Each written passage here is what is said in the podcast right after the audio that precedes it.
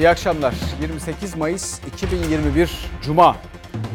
Burası Fox Ana Haber. Ben Selçuk Tepeli. Saat 19.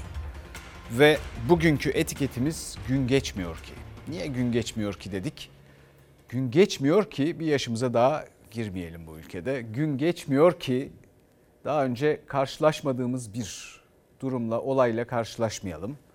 Gerçi daha önce benzer şeyler yaşanmış oluyor ama Türkiye'de insanlar bunları çabuk unutuyor ve biz aynı şeyleri tekrar yıllar içinde sayısını hatırlayamadığımız kadar çok yeniden yaşamış oluyoruz.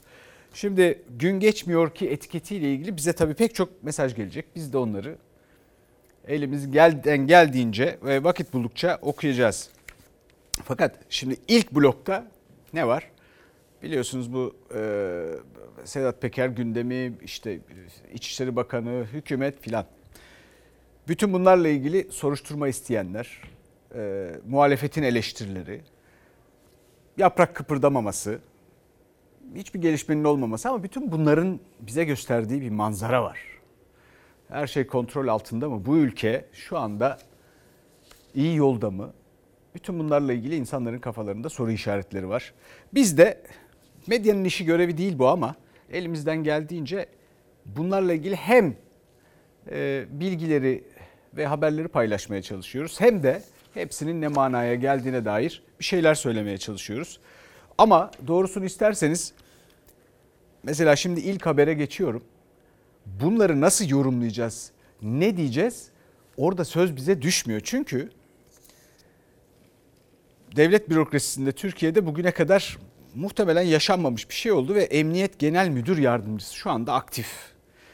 Ee, Mustafa Çalışkan açıklamalar yaptı ve açıklamalarında İçişleri Bakanı'na ki kendisi ona bağlı rest çekti. Şimdi bu sistemin sıkıntılarından bir tanesi bu bakın. İçişleri Bakanı da çünkü seçilmemiştir. Atanmış. Kimse böyle yorumlamadı bugün bütün bu olan biteni ama bu türden sıkıntılar yaşanması beklenebilirdi. Bunları da yaşamaya başladık. Ve bakanın açıklamaları için de toplum rahatsız dedi. Muhalefet devlet krizi şeklinde yorumladı bunu. İçişleri Bakanı Sayın Soylu'yla e, Cumhurbaşkanı Sayın Erdoğan ve iktidarın kurmayları konuyla ilgili olarak sessiz öyle acayip bir cümleyle habere göndereyim işte izleyin siz de e, öyle istiyorum. Mustafa Çalışkan dedi ki bütün bu açıklamalardan sonra ya da bu açıklamaların içinde bir yerde kim nasıl açığa alacak görelim. İstanbul Emniyet Müdürü Selami Altınok, terörden sorumlu müdür yardımcısı da zannediyorum Mustafa Çalışkan. Kimin burada bir istismarı, bir imtiyazı, bir kurgusu bu hesabı da soruluyor. Mustafa Çalışkan gibi bir insanı açığa kim alacak, nasıl alacak bir görelim bakalım. Çok merak ettim. Sayın Soylu'ya diyor ki yüreğin yetiyorsa gel beni al.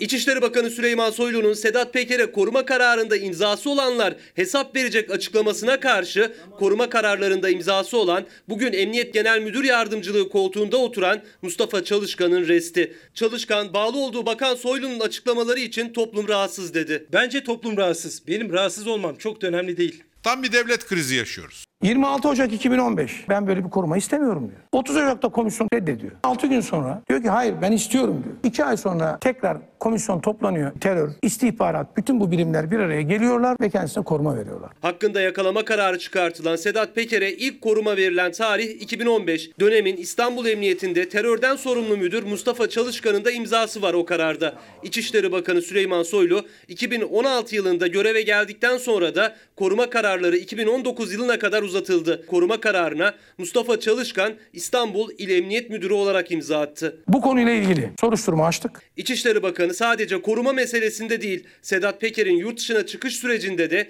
isim vermeden dönemin İstanbul Emniyet Müdürü Mustafa Çalışkan'ı işaret etti. Emniyetten dosya fezleke ile beraber adliyeye gitti. Adliyeden 3 gün sonra yurt dışına çıktı. O tarihten bundan 3 ay öncesine kadar İstanbul Emniyet Müdürü biz bu dosyayı ne yapacağız diye bana sorduğunda gereğini yerine getireceğiz dedi. O tarihe kadar bu dosyayla ilgili işlem niçin yapılmadı? O gün İstanbul Emniyet Müdürü olan bugünse Emniyet Genel Müdür Yardımcılığı görevini yürüten Mustafa Çalışkan Cumhuriyet Gazetesi'ne konuştu. Açığa alınmayı bekliyor musunuz sorusuna yanıt verdi. Türkiye'deki en dürüst insanı neden dolayı açığa alacaklar çok merak ediyorum. Çıksın bir görelim bakalım. Türkiye'de insanlar var, dürüst siyasetçiler var. En başta Sayın Cumhurbaşkanı var. Mustafa Çalışkan gibi bir insanı açığa kim alacak, nasıl alacak bir görelim bakalım. Bu restle kalmadı Çalışkan. İçişleri Bakanı'nın açıklamalarından rahatsız mısınız sorusuna da ses getirecek bir yanıt verdi. Bakanın açıklamalarından toplum rahatsız dedi. Muhalefet devlet krizi diyor.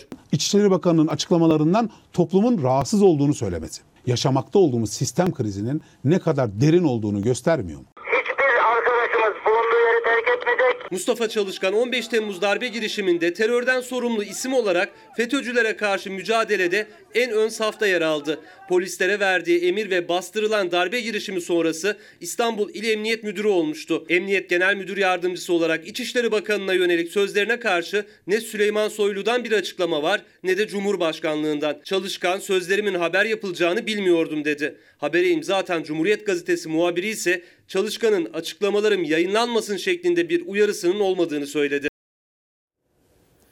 Gün geçmiyor ki e, bir takım haberler hükümetle ilgili muhalefetin eleştirileri eşliğinde birbirini suçlayan insanları alakadar eden ve hepsi de hükümetin iktidarın üyesi olan insanlar arasında bir şeyleri ortaya koyan yani bizim bilmediğimiz yeni öğrendiğimiz bazı sıkıntıları açığa vura- vuran bazı haberler ortaya çıkmasın. Sonra da onlar kaldırılmasın fa- fark edilip Anadolu Ajansı bir haber yaptı. Dün Sedat Peker'e korumanın verilme bir koruma verilmiş. O tartışma konusu biliyorsunuz. Nasıl verildi filan diye. Anadolu Ajansı'nın haberinde bu işte bir FETÖ izi var deniyordu. Sonra bakıldı ki söz konusu korumanın verilmesiyle ilgili belgede ki Anadolu Ajansı'nın yayınladığı belgeden bahsediyoruz. İmzası bulunanlardan biri şu anda Ankara valisi, biri AK Parti milletvekili. Şu anda. Anadolu Ajansı paylaşım yapıyor. Suç örgütü elebaşı Sedat Peker'e DHKPC tehdidi bahanesiyle verilen koruma kararında FETÖ izi tespit edildi diyor. Bu belgenin altında imzayı atan Sayın Selami Altınok, Adalet ve Kalkınma Partisi milletvekilidir. Olur imzasını atan da Vasip Şahin Beyefendi, o da Ankara valisidir. Anadolu Ajansı Sedat Peker'e koruma kararında FETÖ izi başlığıyla bir haber paylaştı. Bir de belge yayınladı. O belgenin altında dönemin İl Emniyet Müdürü Selami Altınok'un ve Vali Vasip Şahin imzası var.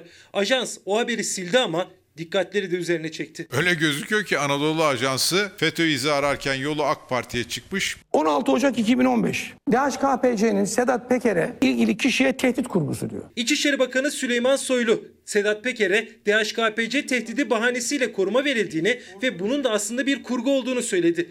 Dönemin Kadıköy İlçe Emniyet Müdürü FETÖ borsasından açığa alınan Nurettin Demir'in parmağı var dedi. Nurettin Demir Kadıköy eski ilçe emniyet müdürü. 93'lü. 93-99 arası irtibatta bulunduğu en önemli adam Sedat Peker. Kardeşi DHKPC'den öldürüldü. O açıklamadan 4 gün sonra Anadolu Ajansı bir haber geçti. Sedat Peker'e DHKPC tehdidi bahanesiyle verilen koruma kararında FETÖ izi tespit edildi başlığıyla. Ve Peker'e koruma verilmesine ilişkin İstanbul Emniyet Müdürlüğü'nün 2015 tarihli resmi kararını yayınladı. Altında dönemin İstanbul Emniyet Müdürü Selami Altınok'un imzası var. Bir de İstanbul Valisi Vasip Şahin'in. Selami Altınok AK Parti milletvekili. Vasıf Şahin dönemin İstanbul valisinin imzaları var. Şimdi sen bunlara FETÖ'cü mü diyorsun? Selami Altınok İstanbul Emniyet Müdürlüğü görevi sonrası İçişleri Bakanlığı yaptı. Şu anda da AK Parti milletvekili. Vasip Şahin Ankara valisi. İki ismin imza attığı 2015 tarihli koruma kararı belgesini Anadolu Ajansı'nın FETÖ izi başlığıyla paylaşması büyük ses getirdi. Devletin ajansı olan Anadolu Ajansı'nın İçişleri Bakanı'nın kendi döneminde verdiği koruma kararlarını pas geçip Sayın Soylu'nun sorumluluğunu saklayarak sadece dönemin emniyet yetkililerini suçlaması bu çürümüşlüğü, bu çirkin rekabeti açık seçik görmemize neden olmuyor mu? Adalet ve Kalkınma Partisi içerisindeki bazı işte çekişmelere hizmet etmesi muhtemel görülmüş olabilir. Bunu birileri paylaştırtmış, başka birileri de geri çektirtmiş olabilir. Anadolu Ajansı o paylaşımı birkaç saat sosyal medya hesabında tuttuktan sonra sildi. Muhalefet belgenin yayınlanması da geri çekilmesi de AK Parti içindeki çekişmenin sonucu diyor. Bu hükümetin içinde bir takım e, tartışmaların olduğuna delalet eden işlerdir. Böyle bir işin ortada bırakılmaması lazımdır. Şayet bir FETÖ izi varsa açıklamakla mükellef olan Selami Altınok, Ankara Valisi Sayın Vasip Şahin'dir. Tabloyla ilgili olarak bu iddialar, tartışmalar bununla ilgili olarak muhalefet soruşturma istiyor.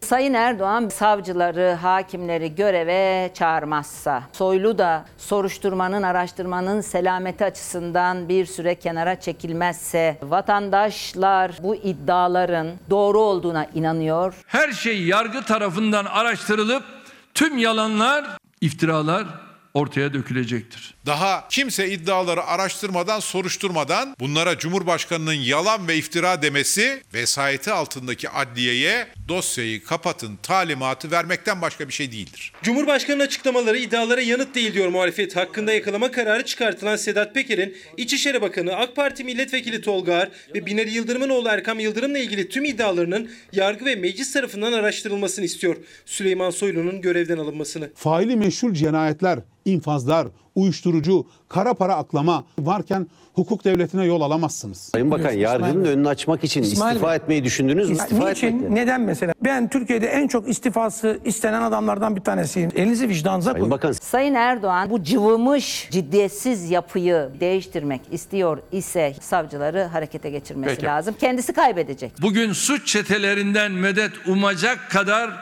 çapsız, sığ, ilkesiz, ufuksuz bir muhalefet anlayışı vardır. Suç örgütü lideri hani geçmişte Erdoğan'ın posterleriyle Rize'de miting yapan var ya ondan bahsediyoruz ha. Sedat Peker'in iddiaları karşısında İçişleri Bakanı Soylu suç duyurusunda bulundu. Binali Yıldırım da Peker'in uyuşturucu ticareti iddiasında bulunduğu bir diğer isim de eski İçişleri Bakanı Mehmet Ağar'dı.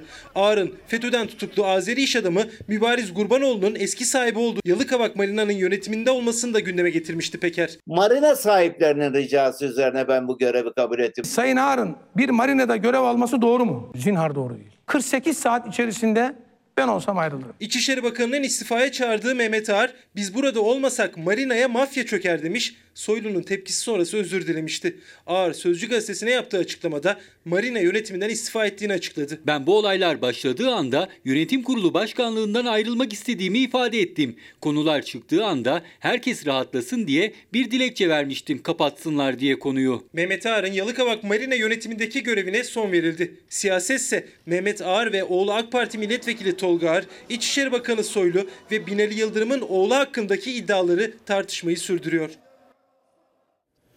Şimdi bir Alman oyun yazarı, şair bir insan var. İsmi Bertolt Brecht.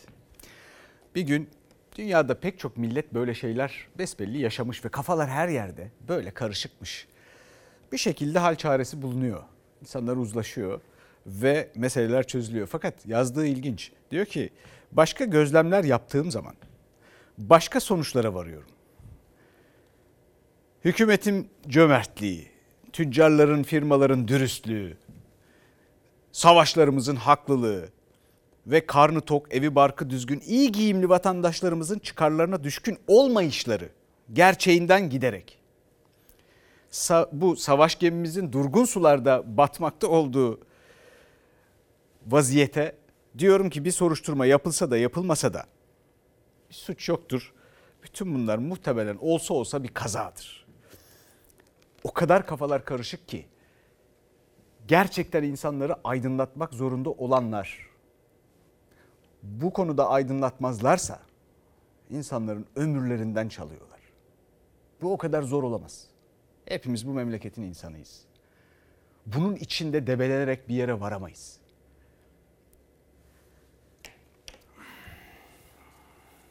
Ve muhakkak insanların kafasında kuşkulananlar arasında bütün bunların aynı zamanda gayet tabii doğal olarak bu ülkede pek çok görüş, pek çok farklı insan var. İşte şu dış mihrakın oyunu, bu bilmem nenin oyunu filan diye görüşte veya buna inanan insanlar da vardır. Ama bunlar araştırıldığında ve bir neticeye vardığında bu ülkenin mahkemeleri varsa, savcıları varsa, hakimleri varsa bir yere vardığında ancak kuşkular ortadan kalkabilir. Aksi takdirde herkes düşünmek istediğini düşünmeye başlar. Bunun daha iyi bir durum olduğunu zannetmiyorum. O benzer konulardan bir tanesi böyle şimdi ortada duruyor. Muğlak cevabı yok. O konulardan bir tanesi ne? İçişleri Bakanı Sayın Soylu'nun ortaya attığı bir iddia ki ben biliyorum dedi ve söyleyeceğim dedi. Sedat Peker'in 10 bin dolar maaş bağladığı kişi bir siyasetçi. Hala belli değil. Kimse de söylemedi. E, muhalefet diyor ki suç bu. Türkiye Türk Ceza Kanunu'nun 279. maddesine göre kamu görevlisinin suçu bildirmemesi. Ya bu böyle biri varsa şimdi bütün siyasetçiler aynı zamanda töhmet altında. Hayır Sayın Soylu açıklamayacaksa onu yani kimin 10 bin dolar maaş aldığını Sedat Peker'den bari almayanlar baştan saymaya başlasın açıklasın ki. Yani biliyorum yani çok fazla insan olabilir ama ne yapalım bir ucundan başlamak lazım. İçişleri Bakanı kamu görevlisini olduğunu unutup bu vekili yetkili makamlara bildirmeyerek suç işliyor. Suç. Elinde belgesi olan, bilgisi olan gitsin yargı kurumlarına başvursun. Ömer Çelik aklımızla mı oynuyorsun? İddia sahibi biz değiliz biz. Süleyman Soylu. Sedat Peker'den ayda 10 bin dolar alan siyasetçi kim sorusu hala yanıt ararken AK Parti sözcüsü Ömer Çelik elinde belge bilgi olan yargıya gitsin derken muhalefet iddia sahibi olan İçişleri Bakanı'nın o ismi yargıya bildirmeyerek suç işlediğini söylüyor. Ayda kime 10 bin dolar para gönderiyorsa hangi siyasetçiye oradan sorsun. Türk Ceza Kanunu'nun 279. maddesi açık, net. Kamu adına soruşturma ve kovuşturmayı gerektiren bir suçun işlendiğini göreviyle bağlantılı olarak öğrenip de yetkili makamlara bildirimde bulunmayı ihmal eden veya bu hususta gecikme gösteren kamu görevlisi 6 aydan 2 yıla kadar hapis cezasıyla cezalandırılır. Yargı suç işleyen bakan hakkında da nedense bir türlü resen harekete geçmiyor. Türk Ceza Kanunu'nun 279. maddesi kamu görevlisinin suçu bildirmemesi suçunu düzenliyor. Bir kamu görevlisi bildiği halde suçu yargıya iletmezse 6 aydan 2 yıla kadar hapis cezasıyla çarptırılır diyor kanun. Muhalefete göre İçişleri Bakanı'nın Sedat Peker'den ayda 10 bin dolar alan siyasetçiyi bildiği halde yargıya götürmemesi kanuna aykırı. Belge de Süleyman Soylu'da, bilgi de Süleyman Soylu'da. Hangi haysiyetsiz 10 bin dolar maaş alıyorsa onu açıklamak boynunuzun borcudur. Çok basit bir soru, çok basit bir cevap. Savcıya gideceğim ve söyleyeceğim. İsmini açıklamıyor. Niye? Elinde koz diye tutuyor. Parti içindeki kavgalarda kullanacak. Gözler İçişleri Bakanı'nda Peker'den ayda 10 bin dolar alan siyasetçinin ismini savcılığa ne zaman bildireceğinde. Efendim İyi Parti lideri Meral Akşener e, sabah Fox TV'de İsmail Küçükkaya'nın konuğuydu. Çalar Saat programındaydı ve son günlerdeki Rize İkizdere tartışmaları Cumhurbaşkanı Erdoğan'ın bu konuyla ilgili söylediği ve epey eleştirilen, konuşulan ifadelerle ilgili cevap verdi. Cumhurbaşkanı tarafından tehdit edilmek feci bir şey dedi. Cumhurbaşkanı tarafından tehdit edilmiş olmak ya feci bir şey. Cumhurbaşkanları insanların can güvenliğini tehdit eden konuşmalar yapmak. Bu daha bir. Daha neler olacak neler. Ecel ne bir nefes evvel ne bir nefes sonradır. Bu tehditlerin hiçbirine pabuç bırakacak bir insan da değilim. Cumhurbaşkanı Erdoğan'ın sözlerine İsmail Küçükay ile Fox Çalar Saat programında yanıt verdi Meral Akşener. Meral Akşener Rize'ye gidemez. Niye? Rize Sayın Erdoğan'ın. Böyle bir şey olamaz. Türkiye'nin tüm şehirlerine her bir vatandaş can istediği zaman, can istediği saatte gider. Meral Akşener'in Cumhurbaşkanı'na Netanyahu benzetmesi sonrası yaptığı İkizdere ve Çayeli ziyaretlerinde olaylar çıktı. Akşener'e tepki gösterenlerle İyi Partililer arasında yaşanan gerginlik sonrası Cumhurbaşkanı İyi Parti liderine tepki gösterenlere sahip çıktı. Gelin hanıma memleketim Rize'de gayet güzel bir ders veriliyor. Daha neler olacak neler. Eğer herhangi bir partinin üst düzey yöneticisine, genel başkanına sokak ortasında saldırı olursa bunun sorumlusu bizzat Sayın Erdoğan'ın kendisidir. Rize'nin uşağına bu şekilde hakaret edip Netanyahu gibi bebek katillerinin yanına koymaya kalkarsan işte yapılacak olan budur. Rakiplerini açıkça tehdit eden daha neler olacak diyen bir cumhurbaşkanına bu ülkede yabancı yatırımcı canını malını nasıl emanet eder? 31 Mart'a giderken de seni hapsettireceğim, bu bayanı hapsettireceğim demişti. Hanımefendinin kaçacak deliği de yok. Çünkü o milletvekili de değil. Yerel seçim öncesi Cumhurbaşkanı Erdoğan'ın sözlerini hatırlattı Akşener. Erdoğan'ın grup toplantısında kurduğu bunlar daha iyi günlerin cümlesinin de açık tehdit olduğunu söyledi. Böyle bir dili ben hayatta görmedim. Ya Rize'ye gidemezsin diyor. Böyle bir şey olur mu ya? Benim eşim Fındıklı'nın Sümle köyünden. E ben şimdi gidip bir ev yaptırsam ne olur? Ya Abi, sokmayacak mı? Dua et ki gelin hanıma çok ileri gitmeden bir ders verdiler. Bu da Rizeli'nin edebini, adabını gösterir. Benim üzerimden muhalefete yapılan tehdit şu. Oturun yerinizde. Buna pabuç bırakılır mı? Hayır ben bırakmam. Meral Akşener de Cumhurbaşkanı'na res çekti. Erdoğansa bunlar daha iyi günler açıklaması sonrası gelen eleştirilere henüz yanıt vermedi. Efendim şimdi buradan bu salgınla mücadele konusuna geçiyoruz. Bu önemli. E, aşılar geldi. Aşılama başlayacak ve bununla ilgili de bir heyecan da var bir yandan. Organizasyonlar yapılıyor. Sağlık Bakanı'nın yeni sloganı da şöyle. Kolları sıvıyoruz.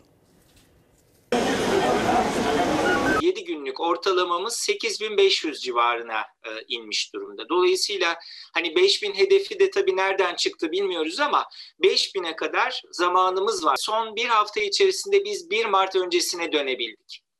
Yani bu veriler bize 1 Mart'ın hemen öncesine daha yeni dönebildiğimizi gösteriyor. Bir önceki kontrollü normalleşmedeki vaka sayılarına ancak inebildi Türkiye. Kısıtlamalar gevşetilince vaka sayıları da Nisan ayında 60 bini aşmıştı. 17 günlük tam kapanmanın etkisiyle 20 Mayıs'ta 10 binin altına geriledi. Ancak o tarihten bu yana hemen hemen aynı seviyede seyrediyor. Yani mevcut tedbirler vaka sayılarını düşürmeye yetmiyor. Bu da 1 Haziran için uzmanları endişelendiriyor. Çünkü Sağlık Bakanı normalleşme için kolları sıvıyoruz dese de acele edilirse vaka sayıları yeniden hızla yükselebilir. Hayatımızın yeniden normalleşmesi için kolları sıvıyoruz. 1 e, Haziran sürecine giderken biraz deyim yerindeyse bıçak sırtı bir e, dönemde olduğumuzu e, düşünüyorum. Salgının yayılımının düşük düzeye indiğini söyleyebilmemiz için 5000 rakamı da aslında uygun bir hedef değil. Vaka sayılarımızın günlük 1000 ila 1500 arasına düşmesi gerekiyor.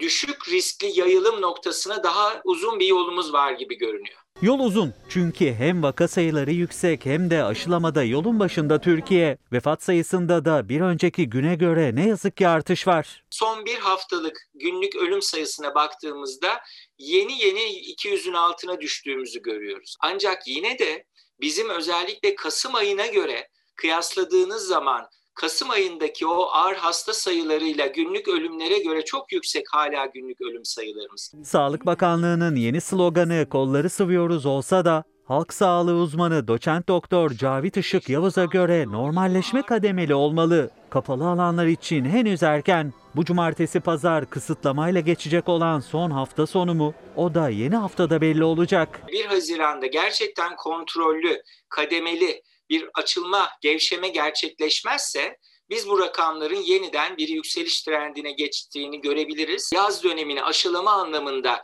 iyi değerlendirirsek de sonbahar ve sonrasında rahat edebiliriz. Şimdi aile hekimliklerine de aşılar gönderilecek. 50 yaş üstü aşılanmaya başlıyor. Ancak aile hekimlerine 4 gün kaldı. Yeterli bilgi verilmediği söyleniyor. Teşekkür ediyorum. Alman aşısıyla ilgili e, uygulamanın pilot uygulama olarak başlatıldığını duyuyoruz. E, Aydın ilinde başlatıldığı söylendi. Bize herhangi bir bilgilendirme yapılmadı. Yani 50 yaş e, üstünde aşılama yapılacağını biz de medyadan öğrendik. 1 Haziran'dan itibaren 50 yaş üstü aşılanmaya başlıyor. Üstelik artık Alman aşısı da aile sağlığı merkezlerinde uygulanabilecek. Ancak sayılı günler kala aile hekimleri henüz planlamadan haberdar değil. Önümüzdeki hafta bir aşı geleceği ifade edildi. Sözel olarak bilgilendirildik. Sorduk biz müdürlüğe. Sinovac mı gelecek yoksa artık bundan sonra tamamen Biontech'e mi yönlendirileceğiz? Biz de onu mu uygulayacağız? Bu konuda net bir bilgi yok. Alman aşısı da tıpkı Çin aşısı gibi aile sağlığı merkezlerinde normal aşıların saklandığı buzdolaplarında muhafaza edilebilecek. Çünkü saklama koşulları değişti. Alman aşısı 2-8 derecede 5 gün yerine 1 ay boyunca saklanabiliyor. Aşı dolaplarının da aslında e, Sağlık Bakanlığı tarafından aile sağlığı merkezlerinin verileceği söylenmişti. Ama aşı dolapları da verilmedi. Şu anda biz eski usul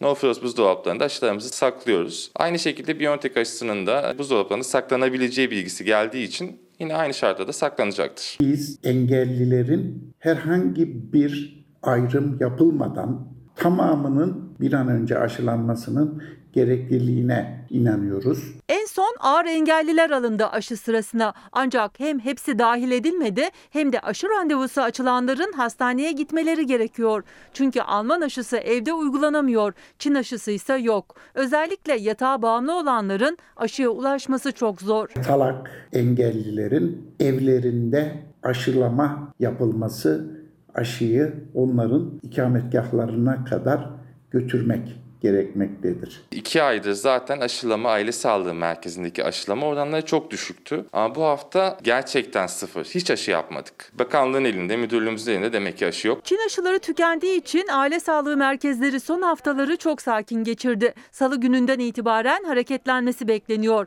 Açılan randevuların çoğuysa ne yazık ki boş kalıyor. İstanbul Aile Hekimleri Derneği Başkanı Doktor Kudbettin Demir, salgının sona ermesi için tek anahtarın aşı olduğunun altını çizdi. Var olan aşı miktarı artınca da çok hızlı bir şekilde günde 1 milyon doz aşı yapmamız lazım. Ancak bu şekilde bu pandemiyle mücadele edebiliriz. Çünkü hepimiz çok yorulduk. Hem sağlık çalışanları çok yoruldu hem halkımız çok yoruldu. Taksim Camii bugün törenle ibadete açıldı. Cumhurbaşkanı Erdoğan açılışta Nazım Hikmet'ten alıntı yaptı. Yıl dönümünde sözü bir kısa cümleyle bile olsa geziye getirdi. Allahu Ekber, Allahu Ekber. Milletimiz 150 yıllık hayaline bugün kavuşmuştur. Camimiz İstanbul'un sembolleri arasındaki seçkin yerini elhamdülillah şimdiden almıştır. 150 yıllık hayaldi dedi Cumhurbaşkanı Erdoğan. 4 yıl önce temeli atılan Taksim Camii ibadete açıldı. Semiallahu limen hamide. Burada maalesef cami yapımına müsaade yok ve adeta kümes gibi bir yerde gazeteler üzerinde müminler namazlarını eda etmeye çalışıyorlardı.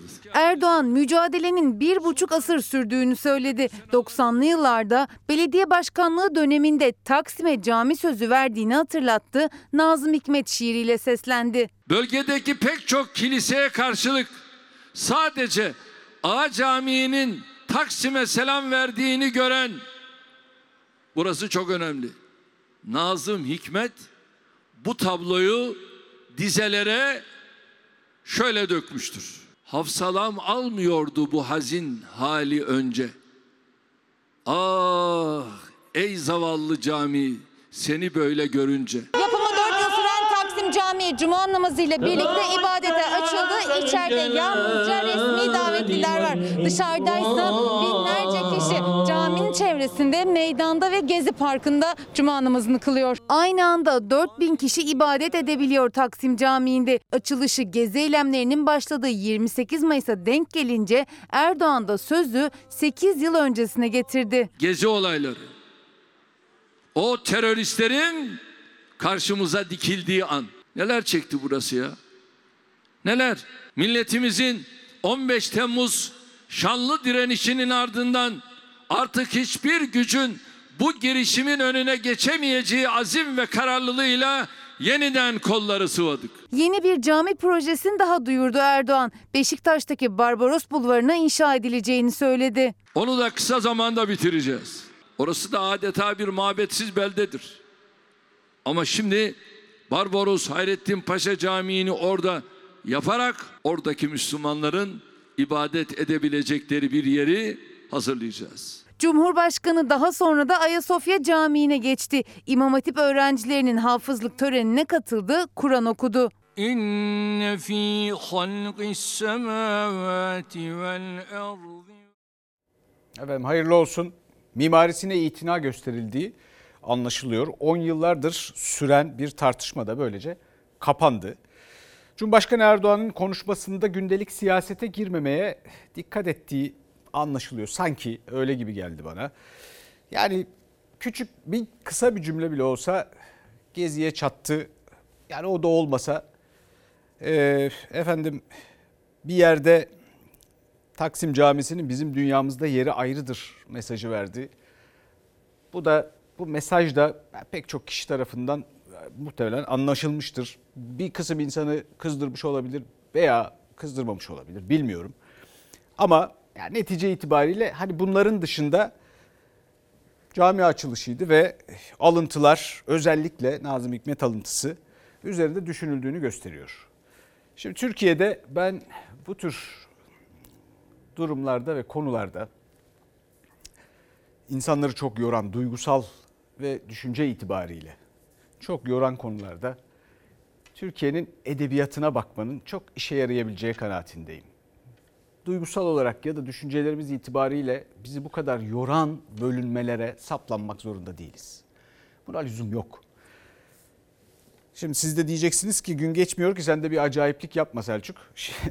Kendimi alamıyorum çünkü gerçekten inanıyorum ve çünkü göreceksiniz ya şimdi küçük bir şey okuyacağım Ahmet Hamdi, Hamdi Tanpınar'dan. Ee, beş şehirde ve beş şehrin gerçek manası konusu budur diye söylediği bir şey. Diyor ki Ahmet Hamdi Tanpınar, gideceğimiz yolu hepimiz biliyoruz.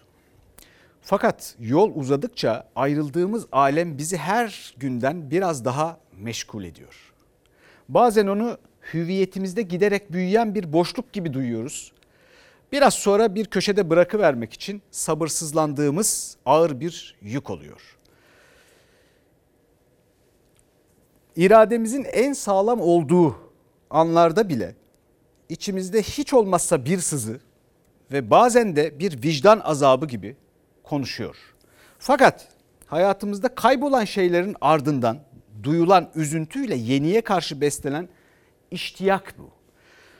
İlk bakışta birbiriyle çatışır gibi görünse bile bu ikisi yani bu iki duyguyu sevgi kelimesinde birleştirebiliriz. Bu vicdan ve sevgi diye bahsettiği şey var ya bakın bu bilhassa bu vicdan bir vicdan azabı gibi içimizde konuşuyor olması işte bu bizi dünyada herkesten ayırıyor. Ve bizim bulacağımız beraber yaşarken beraber yaşamak için ve bu beraber yaşamı sevgiyle ve biraz mutlulukla yapabilmenin formülünü bulduğumuz anda bunun bütün dünya için aranan bir cevap olacağını ve bütün dünyanın bu cevaba muhtaç olduğunu ben düşünüyorum samimiyetle. Doğrusunu isterseniz öyle değilse eğer ben zararlı çıkarıp çok bir şey kaybetmem. Bu konuda her türlü ayıplanmayı göze de alırım ama samimiyetle böyle düşünüyorum. Şimdi geçelim dövize. Dövizde bir yandan da değişmeyen her gün bir yandan gün geçmiyor ki diyeyim onu da ekleyeyim.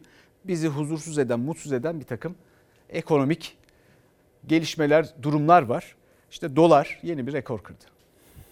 Döviz kuru Türkiye'de tarihi rekorlarından birisi de bugünlerde galiba. Sayın Cumhurbaşkanı'na soruyorum. Bunlar daha iyi günler demişti değil mi? Sayın Erdoğan, bugünlerin nesi iyi Allah aşkına ya? Dolarla mı maaş alıyorsunuz? Bizim firmalarımız borçlu, ekonominin geneli borçlu, devlet borçlu. Artan her kurda bütün bir ekonomiyi zora sokmaktadır. Dolar kuru tarihi zirvesini gördü 8 lira 61 kuruşla. Ekonomi yönetiminin değişmesi sonrası 2 ayda Türk lirasındaki değer kaybı %20'ye dayandı. Sadece o yanlış attığı imza yüzünden ülke 531 milyar lira kaybetti. Bir yanlış imza. Ben yanıldım demedi. Gitti bürokratları suçladı. Türkiye'nin ekonomisinin sorumlusu benim ben. 2018 Haziran ayından bu yana 4 tane Merkez Bankası başkanı gördük. Başkan yardımcıları da apar topar görevden alınıyor. Türk lirası bugün Amerikan doları karşısında tarihi dipleri görüyorsa sebebi budur. Sıkı parasal duruş dışsal ve geçici oynaklıklara karşı önemli bir tampon işlevi görecektir. Merkez Bankası Başkanı Şahap Kavcıoğlu sıkı para politikasına devam mesajı verdi. Döviz kurundaki zirve içinse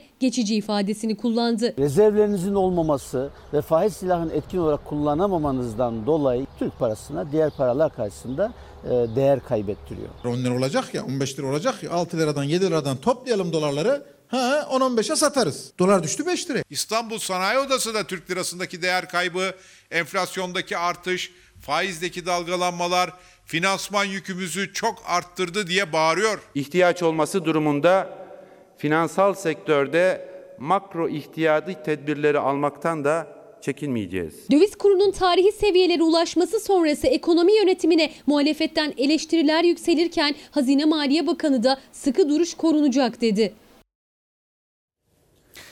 Şimdi e, Merkez Bankası ile ilgili gözden kaçan geçen günlerde bir gelişme de oldu. Bir Merkez Bankası Başkan Yardımcısı yine yanılmıyorsam 02.49'da gecenin bir vakti görevden alındı. Berat Albayrak ekibindendi. Ya şu memlekette bilhassa ekonomiyle ilgili gündüz gözüyle çalışmayı bir türlü öğrenemediler. Asgari ücretle ilgili bir yeni gelişme var. Asgari ücret açlık sınırının altında kaldı. Fiyatlar uçuyor bazıları şeyleri alamıyoruz. Almadan gidiyoruz. Bazen öbür aya bırakıyoruz bazı şeylerimizi. Bu ay almayalım öbür ay alalım öyle. Vallahi hayatımız hep zorluklar içi- içerisinde. Abi Mücadele ediyoruz. Mücadele etmekten başka da bir çaremiz yok. Geçim demek mücadele demek asgari ücretli için. Henüz yılın yarısı bile gelmeden asgari ücret açlık sınırının altında kaldı. Zam pazarlığının taraflarından Türk İş hesapladı. 4 kişilik bir ailenin sadece gıdaya ayırması gereken para Mayıs ayında 2830 liraya yükseldi. Asgari ücret ise sene sonuna kadar aynı 2825 lira. Geçinemiyor ki kim geçinebiliyor? Enflasyon zammı falan diyorlar böyle bir şey bize yansımıyor gerçekten. Çok yüksek fiyatlar. Para kalmıyor ki. Ucu ucuna gidiyor. Vallahi sağdan soldan borçla geçiniyoruz. En çok para temel ihtiyaç gıdalara gidiyor. Şu şu dönemde devletin elektrik, su, doğalgaz parasını bir kere almaması lazım. Senin vatandaşın aç. Yani bunu kabullenmeleri lazım. Türk İş'e göre 4 kişilik bir ailenin açlık sınırı 2830 lira yani asgari ücretin de üstünde. İşte bu sınırda geçim mücadelesi veriyor asgari ücretli. Aldığı aylıkla yaşamsal giderlerini dahi karşılayamıyor. Gıda fiyatlarındaki artış alım gücünü düşürüyor. Asgari ücretli ayın sonunu zor getiriyor. Geçim çok zor. Kira, üç çocuk, her şey çok zor bu hayatta. Gönlümüzce bir alışveriş yapamıyoruz. Çünkü çocuklarımız var hep aldığımız her şeyi kısıtlı alıyoruz düşünerek böyle.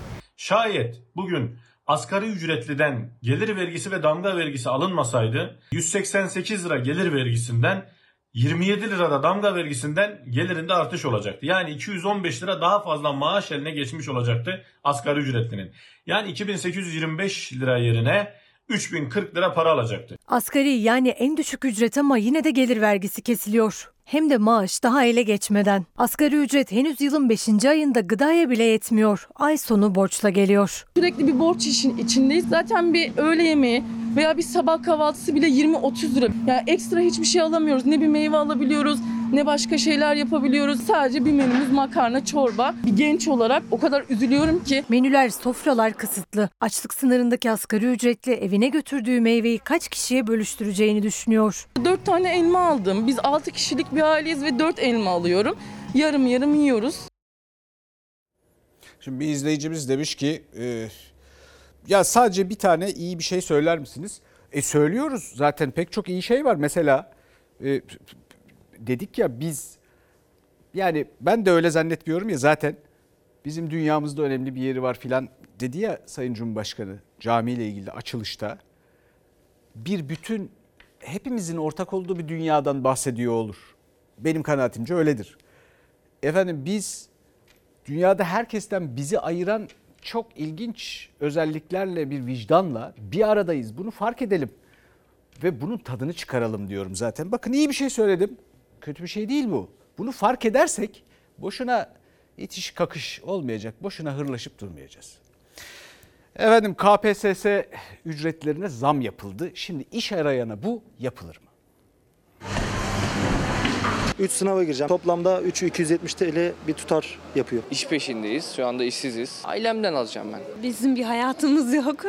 O yüzden bilemiyoruz. Hayatta kalmaya çalışıyoruz. Yani ailemiz karşılıyor. Tabii ki ucuz değil yani. Zaten ucuz değildi. Üstüne zam geldi. İşsizlerin ailelerinin omzuna bir yük daha bindi. KPSS başvuruları zamlı ücretle alınmaya başladı. Geçen yıl 3 ayrı test türünün toplamı 215 liraydı. Bu yıl %14 zamla 245 liraya çıktı. Üstelik birden fazla oturuma girmek isteyen daha da fazla ücret ödemek zorunda. Çok fazla bir fiyat ve seans başına ücret ödeniyor. Hani tek bir sınav değil. Mesela biz 3 sınava giriyoruz. Her zaman bir artış var. Hiçbir zaman düşmüyor. Zaten gelen bir şey yok. Sürekli bir gidiş var. Kamu personeli olmak isteyenlerin çoğu zaten işsiz. KPSS ile şanslarını aramak istiyorlar ama onun da bedeli her geçen yıl daha da zamlanıyor. Genel yetenek ya da eğitim bilimleri oturumu geçen yıl 80 liraydı. 90 lira oldu. Alan bilgisi sınavları da 55 liradan 65 liraya çıktı. Öğretmenlik sınavı da yine 80 liradan 90 liraya. Adaylar sınavı kazanabilmek için bir yıldır kursalar. Kursların ücretini de aileleri ödedi çoğunun. Ama onlar şimdi kurstaki derslerden çok yeni sınav ücretlerini ailelerine nasıl söyleyeceklerini düşünüyorlar. Fiyatlar çok pahalı. Yani aileme söylemeyi hani gerçekten hani insan utanıyor. Fiyatlar aşırı yükseldi. 100 lira yani bir aile için askeriye çalışan bir aile için gerçekten çok zor. Mecburen hani bir şeylerden kısıp mecburen verecekler. Zor olacak. Özel sektörde iş umudu tükendi çoğunun. Ailelerinden aldıkları parayla kamuda işe girmek için çabalayacaklar. Mücadele sınavı kazanmakla da sınırlı olmayacak. Bu kez atanmayı bekleyecekler. Babamdan rica edeceğim. Bu üçüncü girişim olacak sınava. Babam uygun bulursa o parayla sınava girmeyi düşünüyorum. Şimdi Bursa'ya gidelim. Bursa'da bir mahallede ayı paniği yaşandı. Bu dağ tarafından ayıların indiği bilgisi var. Sokağı boşaltın arkadaşlar. Bak bu işin şakası yok.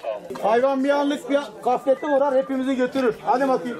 Oğlum bana gelirse bak en ufak bir sesle kaçın. Ayı gördük diyen telefona sarıldı polisi aradı. Mahallede güvenlik önlemi alan polis elinde fener ayı peşine düştü. Kimisi diyor 2 metre boyunda, kimisi diyor iki buçuk. Şurada hemen kaldırımın dibine inmişti. Kaç tane? Bir tane. Büyük büyük. Bayağı büyük. Bursa'da Uludağ'ın yamaçlarından yerleşim alanına indiği iddia edilen ayı mahalleliyi sokağa döktü. Fidye Kızık sokaklarında ayıyla karşılaşan vatandaşlar korkuyla kaçmaya başladı. Şuradaki ağacın arkasında duruyordu. Kocaman da gri kahverengi renginde. Kocaman bir ayıydı. Arabanın ışığını tuttuğumuzda gözüküyordu. Üst üste ihbarlar gelince polis harekete geçti. Önce çevrede güvenlik önlemleri alındı. Ardından da elde fener, köşe bucak ayı arandı. Sokağı boşaltın arkadaşlar. Bak bu işin şakası yok. Lütfen. Hadi gençler dağılın. Hadi. Hayvan bir anlık bir gaflete uğrar hepimizi götürür. Hadi bakayım. Hadi ablacığım sen de bak sana kıyamam ben aman aman aman aman aman. Allah korusun ayı mayı çıkar şimdi. Polisin uzun süren ayı bulma uğraşlarına mahalleli de destek verdi. Ancak boyu 2 metreyi bulduğu söylenen ayı bulunamadı. Oğlum bana gelirse bak en ufak bir sesle kaçın. Ayı konusuyla ilgili efendim burada araştırmamızı yaptık. Vatandaşlar ayının ana cadde üzerine kadar indiğini, daha sonra ormanlık alanın içerisinde kaybolduğunu beyan ettiler. Polis ayının sesten ve kalabalıktan korkup ormanlık alana kaçmış olabileceğini söyledi. Mahalleli de derin bir nefes alıp evlerine geri döndü. Şu ana kadar yapmış olduğumuz yine ve herhangi bir şekilde dört ayaklıya hayvana rastlanılmadı. Kanadalı bir paraşütçü denizde bir tarlaya inince bakın çiftçiyle arasında nasıl diyaloglar oldu. Evet bir paraşütçü daha. Hey! Ne diyorsun? Neredesin sen? Pardon yabancıla bu herhalde ha? Oğlum niye ekinin içine iniyorsun la? Ha? Ekinin için niye iniyorsun? Sorry sorry diyorsun da niye iniyorsun buraya? Kanadalı paraşütçü ekili tarlaya indi. Tarla sahibi çiftçinin tepkisi gülümsetti. Acil. Acil iniş yaptın. Baktım evet indim. Nereden geliyorsun sen? Nereden geliyordum? Ee, Çameli'den. Çameli oğlum daha geçen sene geldiniz biriniz. Sen nereden buldun geldin yine buraya? Kanadalı yamaç paraşütçüsü Denizli'deki Çameli Yaylacık Dağı'ndan atlayış yaptı. Paraşütçü rüzgarın da etkisiyle sürüklenmeye başladı. Tam 100 kilometre uzaklıktaki Burdur'un Yassıgüme köyünde bir arpa tarlasına acil iniş yaptı. Oğlum zaten yağmur yok, eser yok. Bir de gelin ekinin içine iniyorsun ya. Bu tarla benim. Şş, bu ekim benim. Kusura bakmayın. Kusur bakma ne kusur bakma çiğnedin. Ben bunları hallederken paraşütçü endi. Gördüm bir şey var mı diye. Gittim yardım etmeye gittim. Çiftçi Kazım Öz o sırada tarladaydı. Hemen paraşütçünün yanına koştu. İngilizce bilmeyen çiftçiyle çatpat Türkçe konuşan paraşütçü arasında karşılıklı konuşma başladı. Memleket neresi senin? Memleket? Ülke ülke. Aa, Kanada. Kanada. Şşş. Dayı senin adam buraya iniş yaptı la. Acil. Bu, buraya mahvetti burayı. İngilizce. İngiliz. Ben İngiliz yok ben Türkçe var. Böyle böyle derken diyaloğa girdik. Konuştuk, tanıştık. Yabancılıymış, Kanadalıymış. İkili anlaşmaya çalışırken paraşütçünün arkadaşları geldi. Çiftçi Kazım Öz yaşananları an be an cep telefonuna kaydetti, sosyal medyada yayınladı. O anlardan geriye gülümseten bu görüntüler kaldı. Pardon yabancıla bu herhalde ha? Oğlum niye ekinin içine iniyorsun la? Sorry sorry diyorsun da niye iniyorsun buraya? Aa, acil. Acil iniş yaptın. Baktım eve indim. Efendim 100 kilometre sonra tabii denizden kalkıp Burdur'da iniyor. Böyle görüyorsunuz ama değil mi nasıl anlaşabiliyorlar. Sonra da nasıl bir sohbet muhabbet gelişiyor. Şimdi bir izleyicimiz demiş ki Selçuk Bey sevgi vicdan meselesinde Ahmet Hamdi Tanpınar'a başvurmaya gerek var mıydı hakikaten? Vardı. Vardı. Çünkü ondan iyi anlatan yok. Beş şehri bilhassa giriş bölümünü herkesin okuması lazım. Çünkü yani bunu söylüyorum hatta diyorum ki ayıplanmayı göze alıyorum. Neden? Çünkü samimiyetle bu ülke için iyi bir şeyler istiyorum. Yoksa kendim için fiyaka şu bu istediğim yok ve Ahmet Hamdi Tanpınar'dan daha iyi anlatamayız bunu. Şimdi Türkiye'nin geç Osmanlı erken Cumhuriyet edebiyatı çok ihmal ediliyor. Bir sürü çare orada ve dünyada ilk sıralarda hiç kuşkunuz olmasın şimdi bir ara. Şimdi evet bu, bu bir dakikada sanatın dünyada geldiği durumu hali anlatacaktım ama son iki haberimiz Anadolu'dan keyifli ee, iki haber olunca nasıl bir ilginç bir bir aradayken güzel insanlarımızla nasıl ilginç bir dünya oluşturuyoruz. Ondan bahsetmek istedi canım. Şimdi o şeyi göreceksiniz. Şundan söz edecektim. Görünmeyen heykel yapmış Salvatore Garo. Ama heykel görünmediği için belki sonra bahsederiz. Fakat aklıma Adem Altan'ın bir fotoğrafı geldi Gezi'den marjinal beşli. O burada yok şimdi telif hakkı şusu busu olabilir diye. Siz açın bakın orada nasıl e, hiç marjinal değil bu ülkenin insanları nasıl bir arada durduklarına çok ilginç bir fotoğraf. İşte biz dünyada oluşturduğumuz bu dünyanın bir eşi benzeri kıyaslayabileceğimiz bir şey olmadığı için şöyle düşünmüyoruz. Yani ihtimal vermiyoruz. Biz bu dünyaya yeni bir dünya katabilecek bambaşka bir dünya oluşturuyoruz birlikte. Farklı dünyaların insanları değiliz. Ve bunun gerçekten dünyanın ihtiyacı olduğunu düşündüğüm şey diye altını çizmek istiyorum. Biraz birbirimizi dinlememiz lazım. Biraz birbirimize bakmamız lazım. Yenilik hepimizin istediği bir şey ama aynı zamanda bu yani yenilik ancak eskinin korunduğundan emin olunduğunda yola çıkılıp gerçekleştirilebilen bir şey oluyor. Bu önemli.